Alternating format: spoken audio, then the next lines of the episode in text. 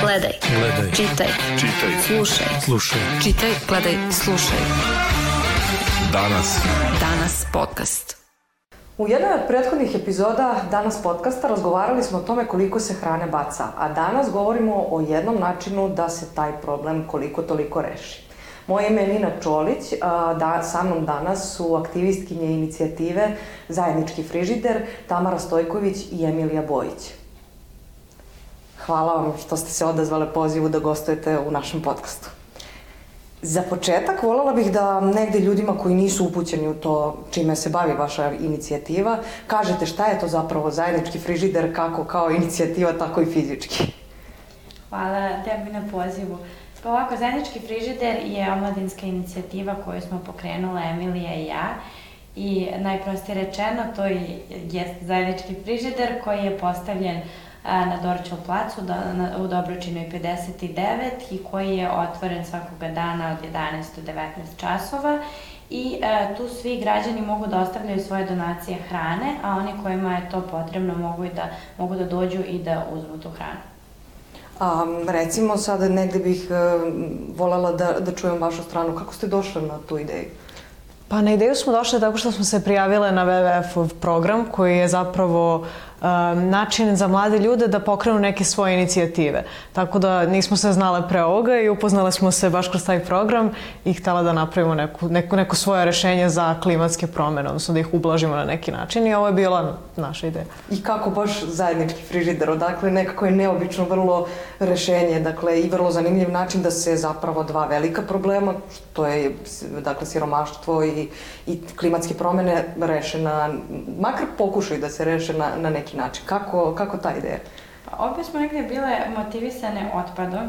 A, ja sam bila, ja sam razmišljala o otpadu hrane i na koje sve načine to utiče a, na klimatske promene, na ekologiju.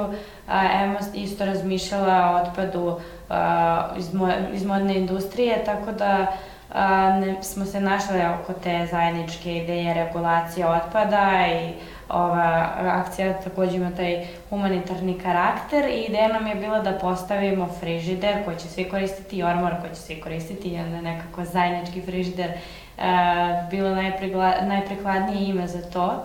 E, zajednički frižider je postavljen u januaru. A, prvo smo uradili to jer je to predstavljalo dosta veći izazov o čemu e, ćemo kasnije pričati, a uskoro postavljamo i zajednički ormar koji će funkcionisati po istom principu. A, negde jedno od, od možda praktičnih pitanja. A, šta građani mogu da doniraju? Dakle, postoji zakon o e, doniranju hrane. Dakle, šta je to što oni mogu da, kako mogu da doprinesu? Pa građani ne mogu baš da doniraju sve, ne mogu, na primjer, da doniraju neke ostatke koji su im ostali. Nažalost, mi bismo to jako volele, ali trenutno zakonske regulative to ne dozvoljavaju. Tako da mogu da doniraju pića, određeno mogu da doniraju zapakovanu i hermetički zatvorenu hranu, kao i sveže voće i povrće. Tako da... A jeste li razmišljale na koji bi način moglo nekako da se utiče na institucije da se taj zakon promeni? Da li imate neki plan u tom pogledu? Pa želela smo za sada samo da zagovaramo i da damo ljudima do znanja šta se zapravo dešava i da bi trebalo da svi nekako radimo ka tome, da se izborimo da zapravo svi mogu da ostave ono što, mislim, ono što imaju i da pomognu što više ljudi. A pomenuli smo WWF koji je još učestvovao zajedno sa vama u, u toj akciji. Da, WWF nas je nekako ovaj, motivisao da krenemo sa ovom inicijativom i dao nam tu neku inicijalnu, inicijalnu podršku finansijsku, ali takođe i mentorsku podršku tokom celog a, procesa i nakon o, ostvarivanja projekta. A, trebalo nam je neko vreme, a, frižder smo postavile pola godine kasnije nakon ovaj, nakon planiranja svega, trebalo nam je dosta vremena da zadobijemo poverenje i pojedinaca i organizacija, ali smo a, uspele da pronađemo sve potrebne partnere da bi se ovo ostvarilo. Tako da Banka hrane a, koja i dalje sarađuje sa nama svakoga dana i dopunjava frižider, redovno, a, oni su nam prvi izašli u susret pored naravno WWF-a i odmah prepoznali potencijal u ovoj akciji i podržali nas ne samo a, u donacijama hrane, nego zaista smo dobile dosta saveta, dosta informacija o tome a, koliko se hrane baca, kako to utiče na ljude, kome je sve to potrebno, koliko ima ljudi a, koji zapravo traže takvu vrstu pomoći. A, zatim imali smo naravno podršku Dorčel placa gde se nalazi, znači s teritoriji, odnosno ovaj, čim se posjedu nalazi frižider i dosta nam pomažu i ljudi sa Dorčel placa da nas obaveštavaju o tome, na primjer, koliko ljudi dolazi i koristi frižider.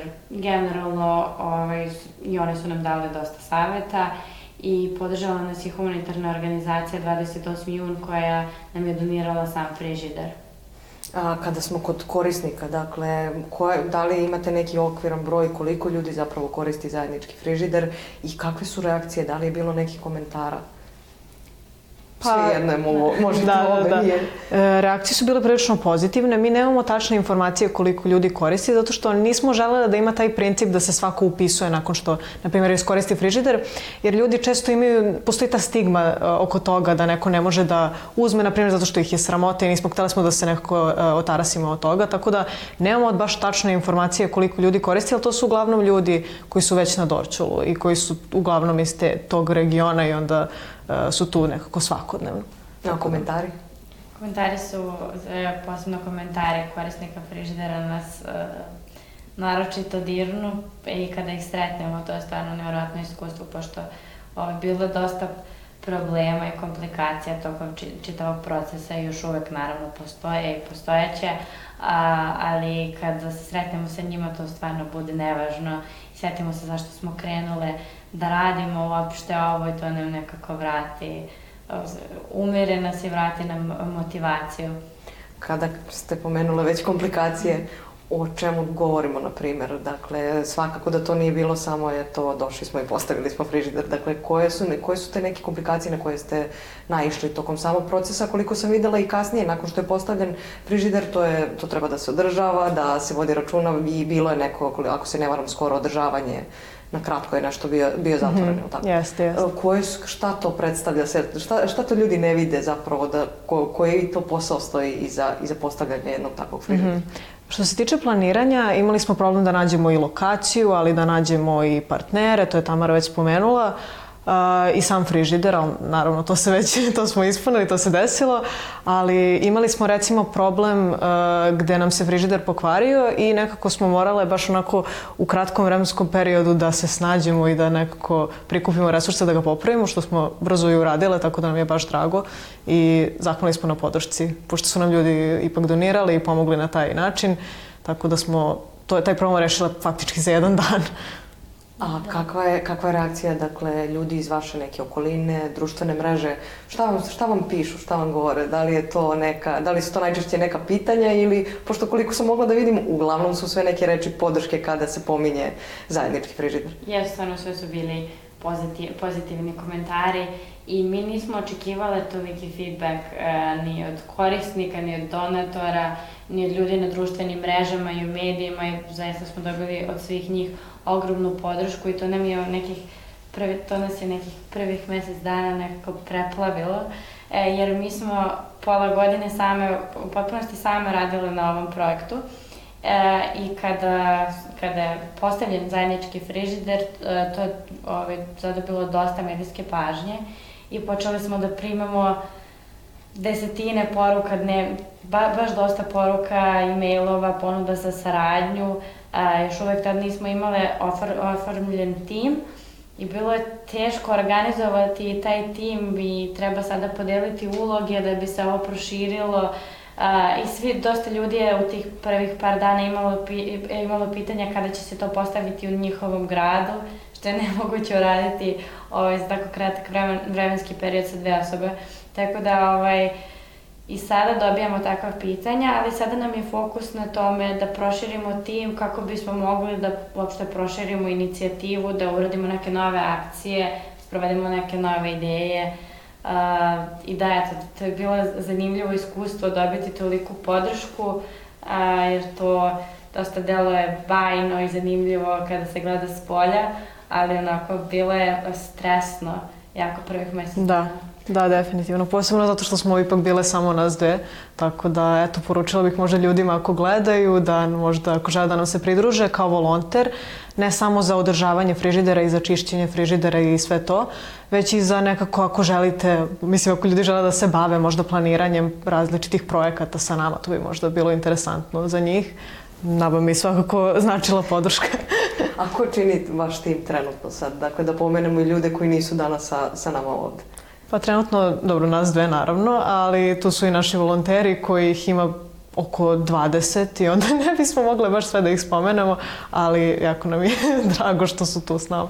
A, koliko, iako su uglavnom pozitivni komentari, naišla sam na recimo jedan jedini ne toliko negativan komentar koliko neku primetbu na račun toga da je to Da, to je jedan od prvi, u prvim danima kada je postavljen mm -hmm. frižider, dakle da može neko eventualno da najde da isprazni taj frižider iz bilo kog razloga, da može da bude nehigijenski. Vi ste dokazali što se tiče higijene da, ste, da vodite račun o tome. Međutim, da li ste imali takvih problema u smislu da neko dođe i isprazni frižider bez zapravo potrebe za tim? Pa naravno, uvek je, to je bila glavna sumnja svih ljudi koji su čuli za naš projekat pre nego što se ostvario i kada je počeo sa funkcionisanjem. E, međutim, te sumnje oko higijene, kao što si napomenula, su brzo nestale, jer zaista su volonteri ažurni i trude se i da o, oni obilaze frižider svakoga dana i uh, bacaju namirnice kojima je prošao rok trajanja ili koje nisu bezbedne, uh, čiste frižider, tako da je to okej. Okay. Ali što se tiče pražnjenja frižidera, naravno da postoji uvek uh, mogućnost da se to dogodi, ali kao što smo rekle, kada bismo mi kontrolisale ko će i koliko uzimati hrane iz frižidera, to bi izgubilo čitavu pojentu i ni u jednom trenutku nismo želeli da radimo tako nešto. Niti da imamo a, nikakve provere, jednostavno nama je okej okay da dođe neko a, ko možda može da priušti sebi nešto da jede, ali eto, jednostavno cilj nije, i, akcija ima i taj humanitarni karakter, ali os, naravno i smanjenje hrane. Sad u nekom idealnom društvu, ovaj, ne bi bilo te stigme, svi bi se osjećali slobodni da uzmu hranu i da ostave i da više donacija hrane bude dozvoljeno, ali evo, o, trenutno naravno da je potrebnije ovaj, ugroženim vrstama ja se izvinjavam, a, ugroženim građan, socijalno ugroženim građanima i ovaj, na, u početku je bilo tog straha da će se frižider a, skloniti ubrzo i ljudi su gledali da uzmu više hrane da bi se obezbedili, međutim stekli su poverenje tokom vremena u nas, znaju da je frižider tu, da će biti pun, tako da nema potrebe da se pokupi sve iz njega. Dakle, ne postoji neka, neki datum kada će da bude sklonjen frižider, dakle tu je da ostane, ili tako? Da. Da, koji su neki još problemi e, što se tiče tog, kada je već postavljen frižider, na koje ste naišli? Dakle, da li je to bilo nekih većih, da, bukvalno tako da kažem, problema samo? Dakle, kada je već postavljen, ne, ne u samom procesu? Pa, re, mislim, to što ste spomenuli, bilo je pražnjenja, opet e, to nama nekako, kada su ljudi saznali, kao što je Tamara rekla, da, da će ostati, onda nije, nije se toliko dešavalo, ali opet sa druge strane, niko ko ne isprazni frižider to ne radi zato što mu se sviđa da isprazni ceo frižider. Ipak je i njemu nekako bilo potrebno da su toj osobi koja je to uradila. Tako da da, jedino mislim možda problem može da bude to što imamo volontere, ali trebalo bi nam još za održavanje. Sad konkretno van toga ja ne mislim da ima nekih većih jesu problema. Li vam, jesu li vam neke institucije baš prilazile i, i nudila vam neku vrstu podrške?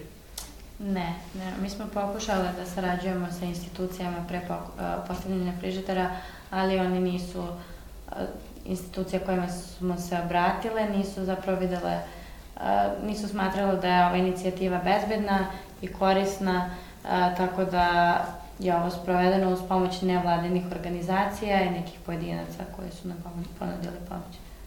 A, kad pomenule smo o frižidere u drugim delovima grada, pa tako i drugim gradovima u Srbiji. Mm -hmm.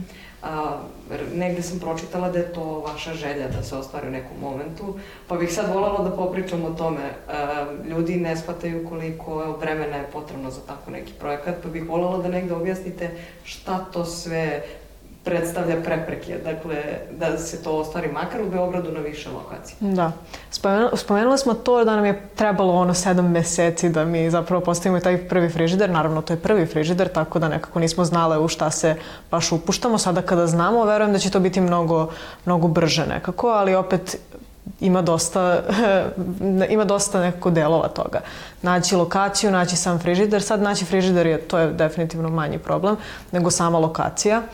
Zato što to uglavnom ne bi, mislim, ne bi baš bilo dobro da to bude neka onako, mislim, nešto državno, kako, bi, kako ne bismo tražili dozvolu i tako dalje i da bismo imali dobru saradnju sa, ako je privatni prostor, uh, Zbog toga takođe trebalo bi podeliti volontere, znači sada imamo samo jedan frižider, tako da nije teško, ljudi znaju kuda da idu, ali ako smo morali da podelimo timove za jedan frižider, za drugi i tako dalje. I baš zbog toga je to toliko komplikovano i onda, uh, na primjer, kada bismo hteli u drugom gradu, moramo da nađemo ljude iz tog grada, a pošto smo iz Beograda, onda uglavnom su nam na raspolaganju ljudi iz Beograda, pa baš zbog toga. Neki, doda, neki dodatni komentar?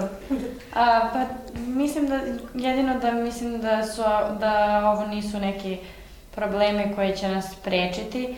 A, ono što nas je sprečilo u prethodnih par meseci da postavimo druge frižidere je uglavnom bilo to, a, bile neke druge obaveze, neka druga angažovanja Emilin prijemni za fakultet, moje studiranje u inostranstvu, tako da kad niste tu ne možete sad skroz da se... Ovo je stvarno bio intenzivan rad, šest meseci, koliko god to zvučilo suludo i suvišno.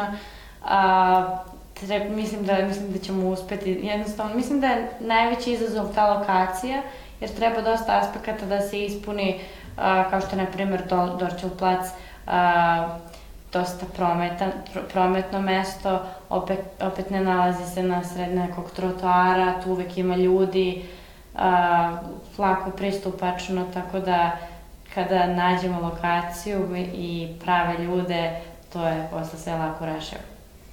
Um, još je, sad kad, kad smo negde to, dotakla se toga, um, ko, ko su Emilija i, i, ko su Emilija i Tamara, dakle, da prikažemo ljudima ko su osobe koje su odvojile svoje vreme od studiranja, da li ovde, da li u inostranstvu, ni, ni, ni bitno, dakle, da za jedan ovakav cilj, human cilj pre svega. teško je, teško je odgovoriti na pitanje, ali nekako mislim da smo obe jako onako aktivne i generalno vezano za klimu i za humanitarni rad i to nam je jako zanimljivo i onda nekako Za mene lično ja možda ne bih e, se usudila da pokrenem nešto ovako bez podrške Tamare kao osoba koja je vrlo odgovorna i koju baš verujem za ovakve neke stvari generalno i bez podrške WWF-a. Ali ovako mislim da je ovo nešto što smo uvek htele da sprovedemo, makar ne, mislim nešto slično, da nekako na neki način da pomognemo ljudima i onda nam je baš drago što smo mogle i što ćemo nastaviti da se ovim bavimo. Da, mislim da dosta nas mladih ljudi krete neke talente, želje u sebi i e, organizacije poput WWF-a koje to probude u mladim ljudima zapravo prave veliku razliku u društvu. Samo jedan mali primer, to je bilo dosta naših kolega ovaj, koji su sprovodili neke druge akcije a, i da, svako, svako od nas ima nešto da ponudi ovom svetu i mi nismo razmišljale kad smo ovo radili ni osnivanju organizacije, ni koliko će se ovo pročuti, e, baš smo bile fokusirane samo na to što je suština ove akcije. E, da, bilo bi divno kada bi sve organizacije i institucije radilo na tome, na motivisanju na buđenju i na davanju te neke inicijalne podrške mladim ljudima. Ne samo za ekološke projekte, nego generalno. A da li imate neku informaciju da li se ovakav neki projekat sprovodi negde u regionu ili inostranstvu? Dakle, ili je ovo zapravo prvi frižider, zajednički, zajednički frižider na svetu? Nije prvi zajednički frižider, ima ih i u drugim, na drugim mestima u svetu, ali funkcioniše prilično isto kao i kod nas, tako da, da, definitivno, definitivno nije nova stvar, ali je nova za naš region. A, na početku smo pomenuli zajednički ormar. Volela bih da i o tome popričamo, iako nije tema e, o hrani, ali je jedan isto sličan i zanimljiv projekat. Dakle, šta je u planu, kada može to i gde da se očekuje? Evo, hoćeš ti da, e, da ti prepustim da kažeš šta je zajednički orman? Može, naravno. Uh, zajednički orman, mislim, to je isto kao zajednički frižider, jedan orman gde ljudi mogu da ostave odeću koja im nije potrebna više, a koja nekome znači dosta i planiramo da to postavimo u skorije vreme već imamo orman, tako da treba naći lokaciju. Možda će to biti čak na Dorću placu, mislim nemamo tačne informacije, vidjet ćemo, ali u suštini to je nešto čemu možemo da se radujemo uskoro. Kako još ljudi mogu da se uključe dakle, u, u akciju? Pomenuli smo volontere i pomenuli smo dakle, osnovno to da mogu da doniraju hranu. Uh, kako recimo za Ormar mogu da se uključe? Šta vam je trenutno za taj projekat najpotrebnije, pored vremena koje verujem da, da je negde ključni faktor? Da, da, da. A, što se tiče ormara, mogu, naravno, osim što mogu donirati odjeću, e, što, mogu nam, što nam mogu pomoći u održavanju frižidera, a, mogu da nam se jave i jednostavno pla planiramo da osnujemo nevladinu organizaciju uskoro ta, i planiramo da pokrenemo nove akcije kako ekološke, tako humanitarne a, i da pomognemo, da mi sada pomognemo a, članovima našeg novog tima da sprovedu neke svoje ideje i akcije, tako da apsolutno nema nekog limita kako se mogu priključiti. Volili bismo i da probudimo upravo ono o čemu sam govorila, da probudimo te neke talente skrivene u svim našim volonterima i članovima tima i da doprinesu akcijama na način koji najviše njima odgovara, ne znam, neko voli da se bavi marketingom, a, neko projektni, da bude projektni menadžer, neko da bude menadžer volontera i tako dalje. Da, tako je. A često smo pričali sa ljudima i pričali su nam zašto ne mogu, na primjer, da volontiraju, a to je uglavnom bilo zato što im je Dorćo plac daleko i tako dalje, ali kao član našeg tima možete da radite bilo gde. Mislim, na primjer, Tamara koja je bila u Parizu na studijama, mi smo se stalno čule i stalno smo planirale nešto i radile na frižideru, tako da mislim da je to odličan način da se ljudi priključe, a takođe od skoro kada smo imale onu situaciju gde nam se frižider od, od vetra se srušio i pokvario, Uh, primamo i financijske uh, donacije, tako da ukoliko neko želi da, da donira, to može da uradi preko našeg Instagram akaunta. Mislim, tu imamo uh, u deskripciji našeg profila imamo načine da se donira. A, I za kraj da ponovimo još jednom, dakle, e, zajednički frižider se nalazi na Dorćan placu i ka, um, od koliko do koliko uh, građani mogu da dođu da doniraju, koje, koje je radno vreme, ajde tako da kažem. Od 11 do 19 časova u Dobručini 59. Hvala vam puno što ste gostovale i pričale za podcast Lista danas. Hvala puno. Hvala vam. Vama hvala što ste nas gledali i gledamo se i sledeće nedelje. Gledaj. Gledaj. Čitaj. Čitaj. Slušaj. Slušaj. Čitaj, gledaj, slušaj. Danas. Danas podcast.